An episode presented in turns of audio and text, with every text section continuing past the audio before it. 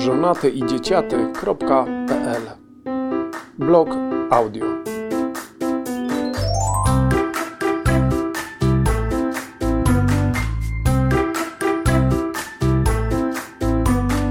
Czyta autor. Plecak pełen obaw.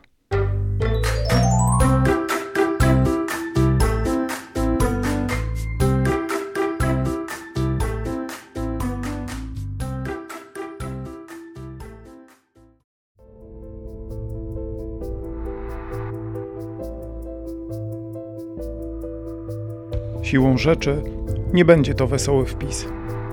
I nie dlatego, że krótsze dni są jawną zapowiedzią długich nocy. Schyłek lata to tradycyjnie czas powrotu dzieci do szkoły. Ja zaś opowiem o samotności w czterech odsłonach.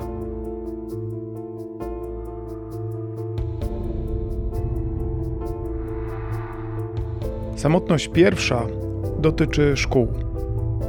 Formalno-prawnym porządku szkoły są stawiane przed szeregiem nakazów, zakazów i formalności. Niestety, środki do zabezpieczenia wszystkich tych zadań nie są zwykle adekwatne. Szkoły są finansowane przez samorządy terytorialne, którym rządzący odbierają kolejne możliwości i źródła zasilania swoich budżetów, z drugiej strony oczekując spełniania swoich dyrektyw. Dyrektorzy szkół często żonglują wszystkim, czym się da, aby zabezpieczyć przede wszystkim ciągłość edukacji swoim uczniom. To jednak nie może się udać bez zawirowań w różnych przestrzeniach funkcjonowania tak złożonych jednostek, jakimi są szkoły. Dyrektorzy działają pod presją oczekiwań właściciela, państwa z przedstawicielami jego agent w postaci kuratorów, ostatecznie ministra, doświadczają jej jednocześnie ze strony nauczycieli i rodziców. W tym ścieraniu się tego, co pełne empatii i zrozumienia, z tym, co w literze prawa, wygrać może tylko jedno. I nie jest to duch wychylający za tej litery. I tak jawią mi się szkoły jako istniejące w sieci powiązań, a nie jako samotne, niczym wyspy.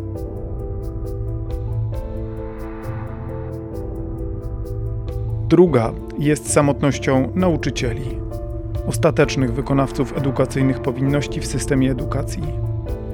Wszystko, co z urzędu dotyczy szkół, bezpośrednio odbija się na tej grupie, zwykle czkawką. Pomijam tu fakt, że są nauczyciele lepsi i niezbyt dobrzy, ci z polotem i charyzmą realizujący swoją życiową pasję i tacy, którym tych przymiotów z różnych powodów brakuje.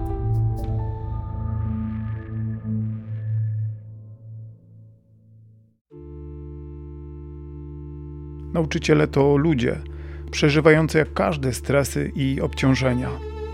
Jak wielu z nas, uwikłani także w wychowywanie własnych dzieci. Doświadczenie lockdownu pokazało, jak wiele wyzwań niesie z sobą przeniesienie edukacji do form zdalnych. Ujawniło obszary braków sprzętowych i technologicznych polskiej szkoły, ale też raczej niski poziom kompetencyjny nauczycieli w obszarze MIC, czyli kompetencji medialnych, informacyjnych i cyfrowych. Szkoły reagowały na miarę swoich możliwości. Jak to się udało? Zapewne może stwierdzić samodzielnie z perspektywy rodzica, dorosłego, może nawet i nauczyciela. Samotność nauczycieli, o której mówię, wiąże się z pozostawieniem ich bez znaczącego systemowego wsparcia dla możliwości podniesienia kompetencji MIC. Wydaje mi się, że czas uwolnienia od ograniczeń nie został wykorzystany na systemowe nadrobienie oczywistych niedomagań. Część nauczycieli dokształca się we własnym zakresie. Część z nich w ramach organizacji nauczycielskich uczestniczy w szkoleniach prowadzonych przez profesjonalne podmioty. Mam jednak świadomość, że to wciąż mniejszość, bo Polska nie stoi wielkomiejskością. Szkoły rozrzucone są po całym terytorium naszego kraju. I jestem przekonany, że większość nauczycieli małych i maleńkich miejscowości została pozostawiona samym sobie, bo nie ma nikogo, kto powiedziałby im, czego mają się nauczyć, jak i gdzie to zrobić, pomijając kwestię finansowania takich aktywności. Zresztą w ciągu ostatnich miesięcy nie zniknęły problemy z dostępem do internetu. Co najwyżej spalono kolejne maszty sieci 5G, które dawały szansę na znaczący jakościowo, ale też z czasem i powszechny dostęp do wiedzy, kultury i wszelkich innych zasobów internetu.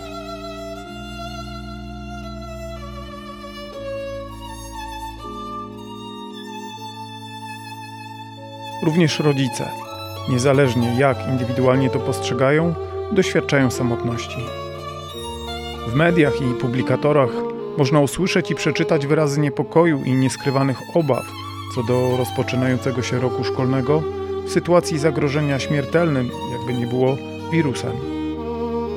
Rodzice, którzy zostali obłożeni obowiązkami w dużej mierze realizowanymi dotychczas przez szkołę, postawieni w sytuacji konieczności zapewniania sprzętu, dostępu do internetu, obecności przy dzieciach podejmujących trud mierzenia się z edukacją w nietypowej dla wszystkich formie zdalnej.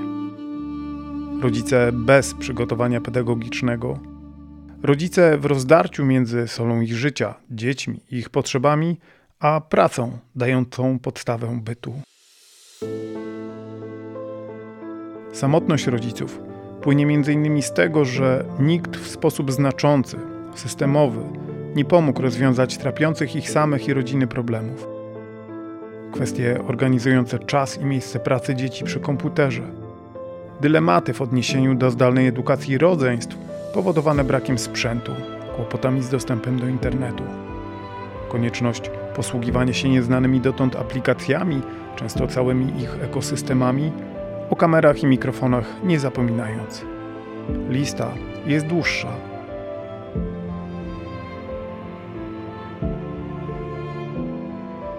Pozostawieni samym sobie, z rzadka samoorganizujący się rodzice, z narastającym, cytując jednego z bohaterów filmu Operacja Bazyliszek w reżyserii Tomasza Bagińskiego, słowiańskim wkurwem. Na państwo, na szkołę, z rzadka na siebie, bo czujący się ofiarami tej sytuacji. Samotni, w potrzebie i towarzyszącej im świadomości braku wsparcia.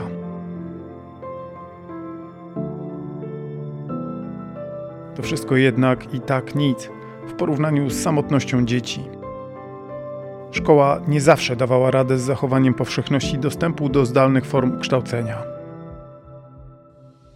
Do dzisiaj nie słyszałem, by minister edukacji zająknął się w sprawie dzieci spoza narzuconego systemu.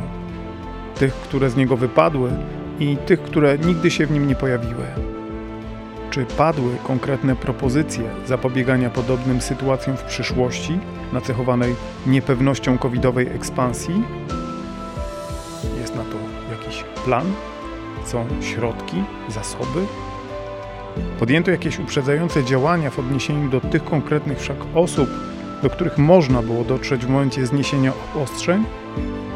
Przecież to byłoby medialnym hitem móc chwalić się sukcesami na tym polu.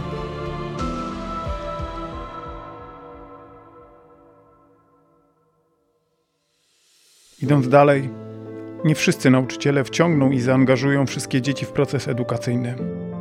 Nie każdy nauczyciel będzie miał siłę i kompetencje, aby uczynić edukację zdalną już nie tylko atrakcyjną, ale i sensowną, powodującą zmiany na lepsze, czymkolwiek to miałoby się wyrazić.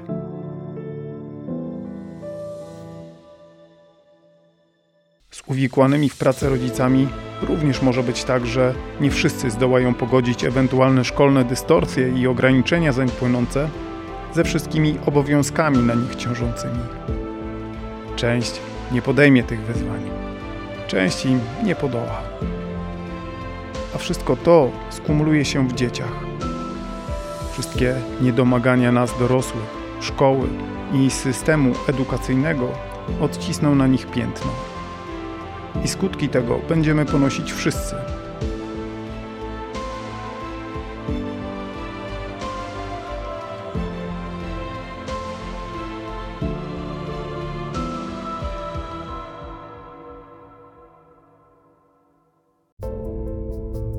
Nakładając na to realizowaną deformę systemu edukacji, rozwijaną w miejsce poznawania faktów i zdobyczy wiedzy naukowej oraz rozwijania potencjałów intelektualnych politykę narodowościową o zabarwieniu polsko-katolickim, nader często sprzecznym z oficjalnymi zapewnieniami i komunikatami głowy Kościoła katolickiego.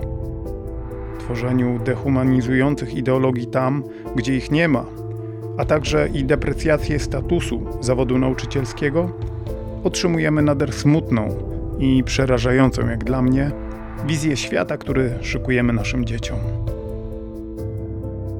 Tym dzieciom, które u progu dorosłości wyrażają głośno swoje zdanie, krytyczne wobec rządzących i zmian przez nich czynionych, nie proponuje się rozwiązań porywających umysł i angażujących ciało w przygodę, w rozwój, w możliwości konkurowania z rówieśnikami z innych krajów, chociażby europejskiej wspólnoty. Nakłada się na tych młodych ludzi kolejne jarzma partyjnego dyktatu. Tym młodszym także, chociaż w sposób zawoalowany. I może to jest najgorsze, że nie są one w stanie dostrzec przemocy, jakiej doświadczają. A to, co im się przytrafia w szkolnej edukacji, nie posiadając żadnego punktu odniesienia, ani potrzeby czynienia już nawet nie takich, ale jakichkolwiek analiz, traktują jako normalne i dobre. Dzieci, nie postrzegane jako osoby z potencjałami i ograniczeniami, z marzeniami i niewypowiedzianym.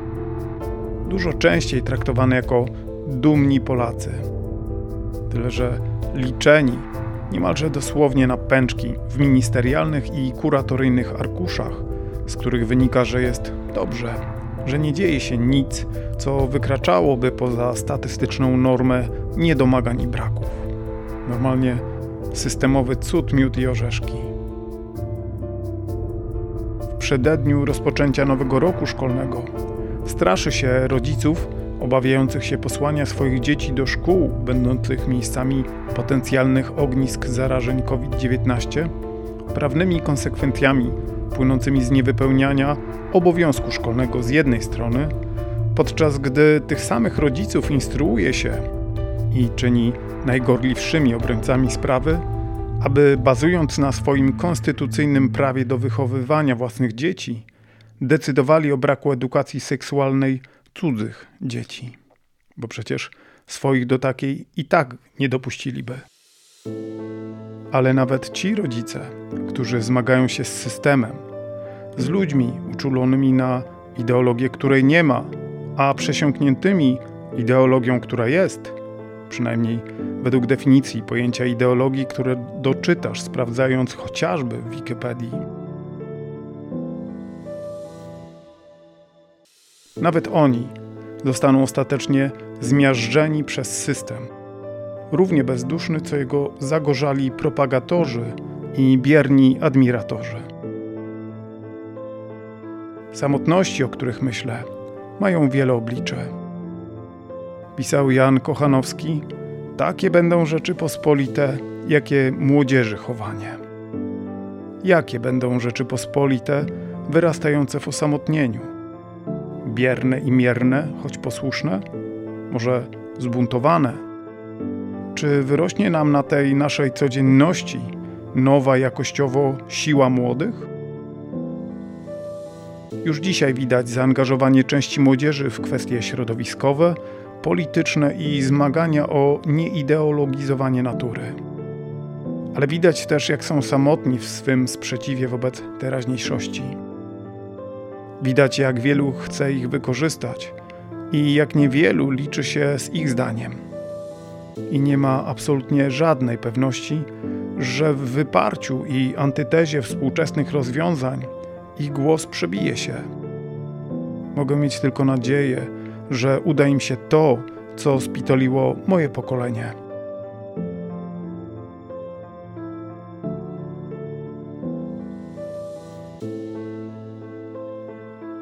Szykuję zatem te szkolne plecaki, ciężkie póki co, od obaw.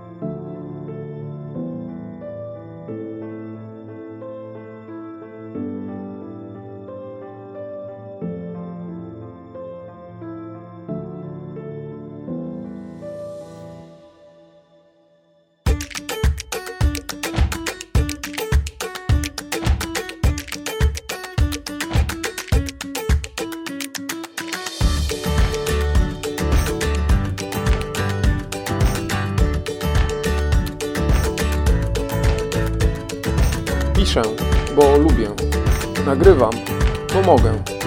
Słuchasz, bo wspierasz.